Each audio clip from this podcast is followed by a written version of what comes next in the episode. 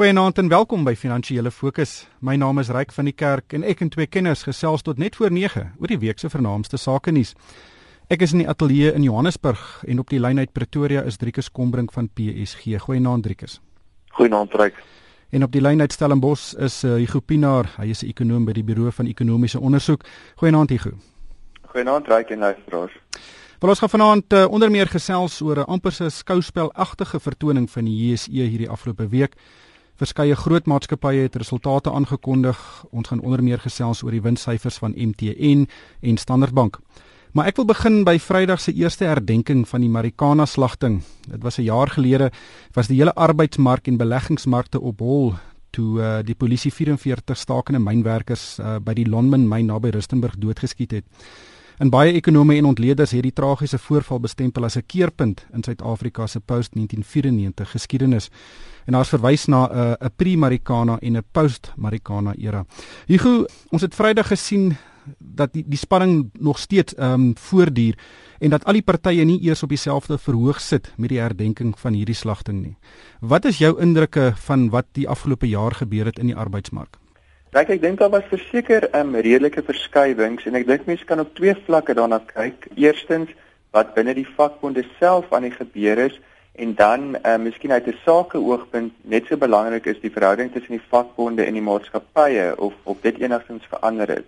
As ons begin met die vakbonde self, ehm um, natuurlik die grootste verskywing was die vermindering in steun wat die NEM of die Nasionale Unie van Mynwerkers ehm um, sedert Marikana gekry het met die opkoms van van AMKU. Ons het nou die week gesien dat AMKU is nou ehm um, formeel erken as die grootste vakbond ehm um, by Lonmin en dis ook die geval in meeste van die platinum myne so en dit het 'n baie implikasie dink ek vir die vir die groter ehm um, Kusatu vakverbond en dan nou miskien ook selfs vir die ANC. En ek dink dan natuurlik is daar leierskapstryd binne Kusatu self So ek dink, jy weet, uit daai oogpunt is die arbeidsomgewing um, meer wisselvallig, of meer volatiel dink ek as vir dit in in in 'n baie lang tyd was.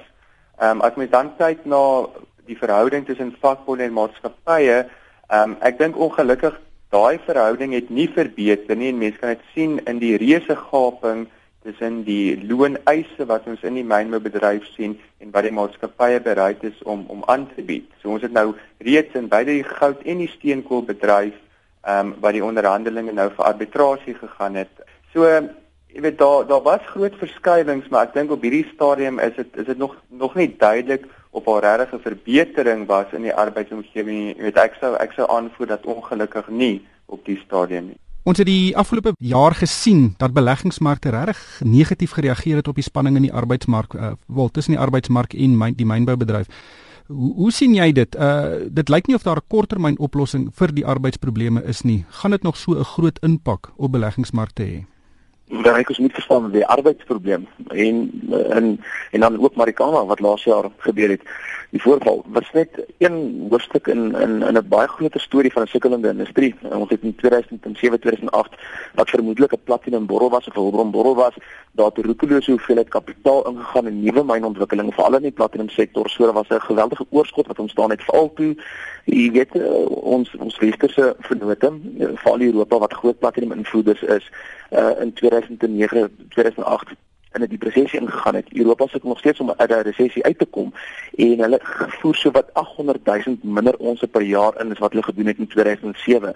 Dit sit 'n geweldige impak daarop saam met die feit dat die dat ons baie meer produseer as wat ons 5, 6 jaar terug uh, produseer het. En uh, ons het 'n 'n gedaante verwisseling of 'n gedagte uh, eintlik uh, verwisseling gehad uh, laas jaar uh, was die arbeidsprobleme was een van die elemente gewees. Baie van die myners het in kontantvloei probleme begin ingaan die platinumpryse begin daal en eers die arbeidsprobleme het 'n hoë platinumpryse tot gevolg gehad nie en dit gaan meer oor die vraagkant van die platinummark wat hierdie gedaante verwisseling in die platinumbedryf veroorsaak het op hierdie oomblik kyk die miners heeltemal anders na hulle bedryf hulle kyk na koste-effektiwiteit uh, effektiewe kapitaalbesteding en ek dink die arbeidskwessies of uh, jy weet die dubbel syfer uh, inflasieverhogings, bo inflasieverhogings wat ons gesien het die afgelope 5 jaar eintlik uh, door teen 'n muur vasgehardloop binnekort of of, of reeds het.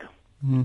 Ek dit lyk of daar 'n amper se fragmentering is in die georganiseerde arbeidssektor. Amper wat ons gesien het in die in die georganiseerde besigheidssektor waar die verteenwoordigende liggame uh, ook gefragmenteer het omdat hulle nie kan saamstem nie. Um, dit is 'n strukturele probleem in die ekonomie. Hoe moeilik is dit om dit op te los? Ek dink baie moeilik, um, Ryk, en ek dink veral, ehm um, ek dink ons het al van tevore hieroor gepraat, ehm um, een van die groot probleme is dat die die ANC ook natuurlik 'n rol het en hulle is op die stadium nie regverdige skeidsregte nie omdat hulle in 'n alliansie met met Kusatu is en nou is dit die eerste keer en weet definitief sê die post in die post 1994 era wat Kusatu regtig um, sterk mededinging begin kry. Jy weet dan jy het 'n voor vroeër verwys na na um Vrydag se samekoms vir die Marikana herdenking en die feit dat um jy weet die ANC en Kusatu nou vir AMKU beskuldig het daarvan dat dat hulle die die herdenking um half gekaap het en so die NEM wou nie eers deel vorm van jy weet 'n 'n front van samehorigheid nie. So ek dink net ons het ongelukkig, jy weet hierdie hierdie arbeidsprobleme dink ek gaan gaan nog vir die asienmore toekoms met ons wees en waarskynlik ten minste tot tot die verkiesing in in April uh, volgende jaar. Ehm um, ons het ook gesien Dr Iraj Abedian, hy's natuurlik die uitvoerende hoof van Pan African Investment and Research Services. Hy het hierdie week gesê dat die gebruik van masjiene en die outomatisering van prosesse kan tot 30% van werksgeleenthede in die mynbousektor in gevaar stel. Uh, en dit verteenwoordig sowat 130 tot 150 000 werksgeleenthede. Hugo, dit is ook 'n groot gevaar dat die mynbedryf die die die myne gaan sê luister, ons wil so min as moontlik werknemers in diens neem en dit is staan wesentlik teen wat die ANC en die vakbonde wil hê. Nee, verseker en en ek dink ongelukkig dis nie net 'n geval in die mynbou sektor nie. Ons ons sien dit reeds in in die landbou sektor vir hele klompie jare. Dit is interessant in die landbou sektor kan mens veral dit meet in wat wat gebeur met die verkoop van um, landbou toerusting, trekkers en stroopers ensovoorts. En dit het die afgelope paar jaar ehm um, jy weet redelik goed gedoen. So mense sien dit daar en ook in die vervaardigingssektor ehm um, van die peilings wat wat ons ook doen onder vervaardigers, die omgewing om arbeid ehm um, in diens te neem is is net nie daar nie. Ehm um, en dit is vir 'n verskeidenheid redes, maar natuurlik die gewelddadige stakings byvoorbeeld ehm um, dit dit help natuurlik nie die situasie nie. Wel dit sal 'n interessante verkiesing wees uh, volgende jaar want dit sal verseker op die agenda wees. Driekus, kom ons gesels bietjie oor die Johannesburgse aandelebeurs. Uh, dit het hierdie week deur die vlak van 43000 punte gebars. Verskeie nuwe rekordhoogtepunte bereik. Dit is 'n uh, dit vir 'n fondsbestuurder is dit 'n baie goeie week. Wel, uh, as jy eintlik kyk, reik dan af watter sektore dit was. Jy weet dis 'n dis 'n mark van verskeie fasette, die verskeie sektore. Nie almal van hulle het fantasties gedoen. Ons het byvoorbeeld laas jaar het ons die kleinhandelsektor en die eiendomssektor gehad wat week na week nuwe hoogtepunte gemaak het en sedert die begin van die jaar is hulle net nie deel van die partytjie nie. Inteendeel, ehm um, hierdie week weer weet van die kleinhandelaars swakker as verwagte resultate uitgeding. Ek dink byvoorbeeld in Massmart en die het 5 of 6% teruggesak, jy weet in midde van die nuwe rekord hoogtepunte. Aan die ander kant weer is daar ons bestuur wat hulle net uitgesteek het en gesê weet wat ons moet hulpbron aandele besit. Die, die pryse lyk baie goed op hierdie laer vlakke dit prys baie slegte nuus in en uh, die word nou beloon daarvoor. Natuurlik as jy te vroeg was vir die partytjie het jy eers baie pyn vat voordat jy uiteindelik uh, enigiets gehad het om oor te juig. Maar intussen tyd het ehm um, die swaar gewigte veral ek dink aan Anglo American BSP Bulletin uh, amper 17-18% bygesit uh, sedert die begin van die maand. Maar hulle het ook baie baie skerp geval die afgelope paar maande. Wel, dis hoe sê Eh, as jy te vroeg was vir die partytjie, jy weet dan eh, dan dan jy nie veel rede om te juig nie. Maar een van die stadium moet 'n ou deel word van van die hulpbronsektor. Ou kan nie die hulpbronsektor heeltemal uit 'n portefeulje uitlaat nie. Ek gou ehm die positiewe markstemming het onder meer gespruit uit goeie ekonomiese nuus in Europa en die FSA. Is daar goeie redes vir hierdie markstemming op beleggingsmarkte omdat daar goeie ekonomiese nuus is? Ehm um, of laat ek dit anders stel, uh, is dit reg dat die beleggingsmarkte so reageer op hierdie goeie ekonomiese syfers? Ek dink mens moet mense dit onderskei um, wat in die ontwikkelde lande en in die ontwikkelende lande aan die gebeur het. Nou, as mens 'n jaar terug gaan, was almal baie opgewonde oor China, Indië, Brasilië en ons was maar teneergedruk oor oor wat in Amerika en Europa aan die gebeur is. Dit het nou 'n bietjie omgeswaai. Van die data die laaste druk uit China het nie te waffers gelyk nie, hoewel verlede week het hulle nywerheidsproduksie redelik mooi opgetel Ek dink dit verklaar ook hoekom van die kommoditeitspryse aan die begin van die week um, gestyg het.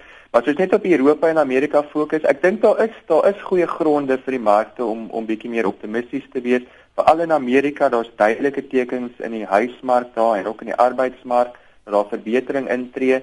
En dan nou hierdie week, waarskynlik die belangrikste nuus die week was uit Europa waar ons nou gesien het na 6 agtereenvolgende kwartaale waar die ekonomie ingekrimp het daar in die tweede kwartaal van die jaar het ons nou terugbeweeg na positiewe kwartaal op kwartaal groei. Nog steeds groei op 'n baie lae vlak, maar ek dink dit is baie belangrik dat ons 'n Europa het wat van 'n krimpende ekonomie beweeg na 'n matige groeiende ekonomie. Hmm.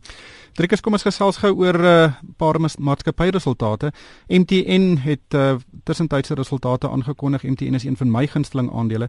Uh die omset is op met 10%, wesensverdienste op met 'n stewige 22%. Ehm um, tussentydse dividend het met 15% gestyg en die groep het nou 200 miljoen intekenare ehm um, weet in al sy bedrywighede. Uh wat was jou indrukke van die resultate? Op die oog af het dit nog gelyk na baie goeie resultate, maar ek Die probleem is net as jy dit op 'n konstante wisselkoersbasis doen, dan kom jy agter dat die rand eintlik eh, 'n uh, groot gedeelte van 'n 22% stygings in wins deel van gemaak het en as jy dit elimineer, uh, was daar nie werklik winsgroei gewees nie. Dan die wins redelik konstant gewees en die ehm um, groot probleem lê maar in Nigerië, daar wat in die ingesukkel om om 'n paar kliënte geregistreer te kry. Hulle is uh, natuurlik oor na die kompetisie toe en dan die plaaslike het hulle so 'n paar honderd duisend uh, intekenare verloor maar die groot ding is uh, ons sien nog heeltyd dat Vodacom te midde van 'n moeilike Suid-Afrikaanse mark waar marges daal, hier is 'n bietjie van 'n prysoorlog swaar kry, maar dat hulle hulle omsetsyfer en dit 'n winssyfer aanvul hierdie datakant wat baie sterk deurkom. En ons sien dit ook nou vir MTN wat begin deurkom. Op hierdie oomblik het MTN Vodacom verbygevat en het meer data aantekenare as wat Vodacom het. So ek dink struktureel is die storie nog natuurlik daar vir MTN, maar ek het te veel goeie nuus in hierdie resultate inlees nie. Uit 'n beleggingsperspektief, uh, vir wie verkies jy tussen MTN en Vodacom? Nee, struktureel is MTN se storie baie meer aantrekliker as Vodacom se. Vodacom se Tanzanië en Mosambiek uh, se se se uh, afdelings begin van deurkom met nie naaste by die groei katalis of die groei moontlikhede daar wat MTN uh, het nie. Standard Bank het ook tussentydse resultate aangekondig. Die wesensverdienste was op met 11% en dit volg nadat Nedbank 'n uh, winsgroei van 12,6% aangekondig het en Absa 8%. So dit lyk asof hierdie banke taamlik dieselfde tipe van winsgroei sien. Driekus? Ja, ja ryk uh, op die einde van die dag is dit weer eens nie fantastiese syfers as jy net na die omset gaan kyk nie of selfs sien net as jy gaan kyk na die marges nie, jy weet die die bruto marge nie want hulle het nie regtig kliënte meer gevra nie. Die die die die omset per kliënt het nie regtig gestyg nie, maar die hoeveelheid kliënte het gestyg. Dis baie belangrik natuurlik. Daar's so wat 8 tot 10 miljoen ongebankte kliënte nog in Suid-Afrika beskikbaar buite vir die banke. Ehm um, nie almal van hulle verdien noodwendig enige geld nie, maar hulle sal dalk dalk in die, in die toekoms doen so daar's 'n groot mark waar hulle nog kan ingroei. Maar die grootste groei in Standard Bank se inkomste kom uit streng kostebeheerheid. Hulle koste tot in, inkomste verhouding is 59.3% gewees laas jaar en dit gekrimp na 57.3% toe. So streng kostebeheer het laas jaar gesien dat hierdie hierdie verhouding van hulle bietjie uitmekaar uitval, maar uh, daar's herstel in die verhouding gewees. Strenger koste bestuur. Ons wil dit graag sien van die banke af want soos ons weet, is ons in 'n omgewing waar die Suid-Afrikaanse verbruiker geweldige druk op hom het en uh, die die bestaande kliënte van hierdie banke nie noodwendig die kapasiteit het om om om meer lenings aan te gaan nie. Standard Bank moet ook uh, in hulle versag Ehm um, maar indrukwekkend is is dat die ongesekerde lenings van Standard Bank so wat 47% gegroei het oor die laaste 12 maande. Skrikwekkende syfer. Nog steeds nie 'n groot gedeelte van Standard Bank se totale boek nie, maar as jy ou gaan kyk na die impak op slegte skulde, as jy die voorsiening vir slegte skulde op 'n verbandboek wat 'n reuse boek is, dis net onder 'n miljard rand met die voorsiening vir slegte skulde op die ongesekerde boek omtrent 5% van hulle boek uitmaak, is 1.3 miljard rand. Drikus, uh, ons kom ons gesels gou oor die kliënte van die banke. Standard Bank se kliëntebasis het uh, met 8% gegroei tot meer as 15 miljoen reg oor Afrika, ehm um, wat regtig 'n stewige groei syfer is. Nedbank het vroeër gesê sy kliëntebasis het met so wat 10% gegroei. Maar Absa wat eers sy resultate bekend gemaak het so 'n paar weke gelede, het gesê sy um, kliëntebasis het met 12% gekrimp met transaksiekliënte met 3%. Nou First Rand sal vroeg in September resultate bekend maak en ek dink Eerste Nasionale Bank het ook groei in sy kliëntebasis ervaar. Dit lyk asof hier 'n dinamika verandering in die bedryf is met Absa wat aan die verloorkant is. ja, absoluut definitief in die verlore kant. Uh ons kon al in die voorgestelde resultate sien van Absa onder andere van First Rand.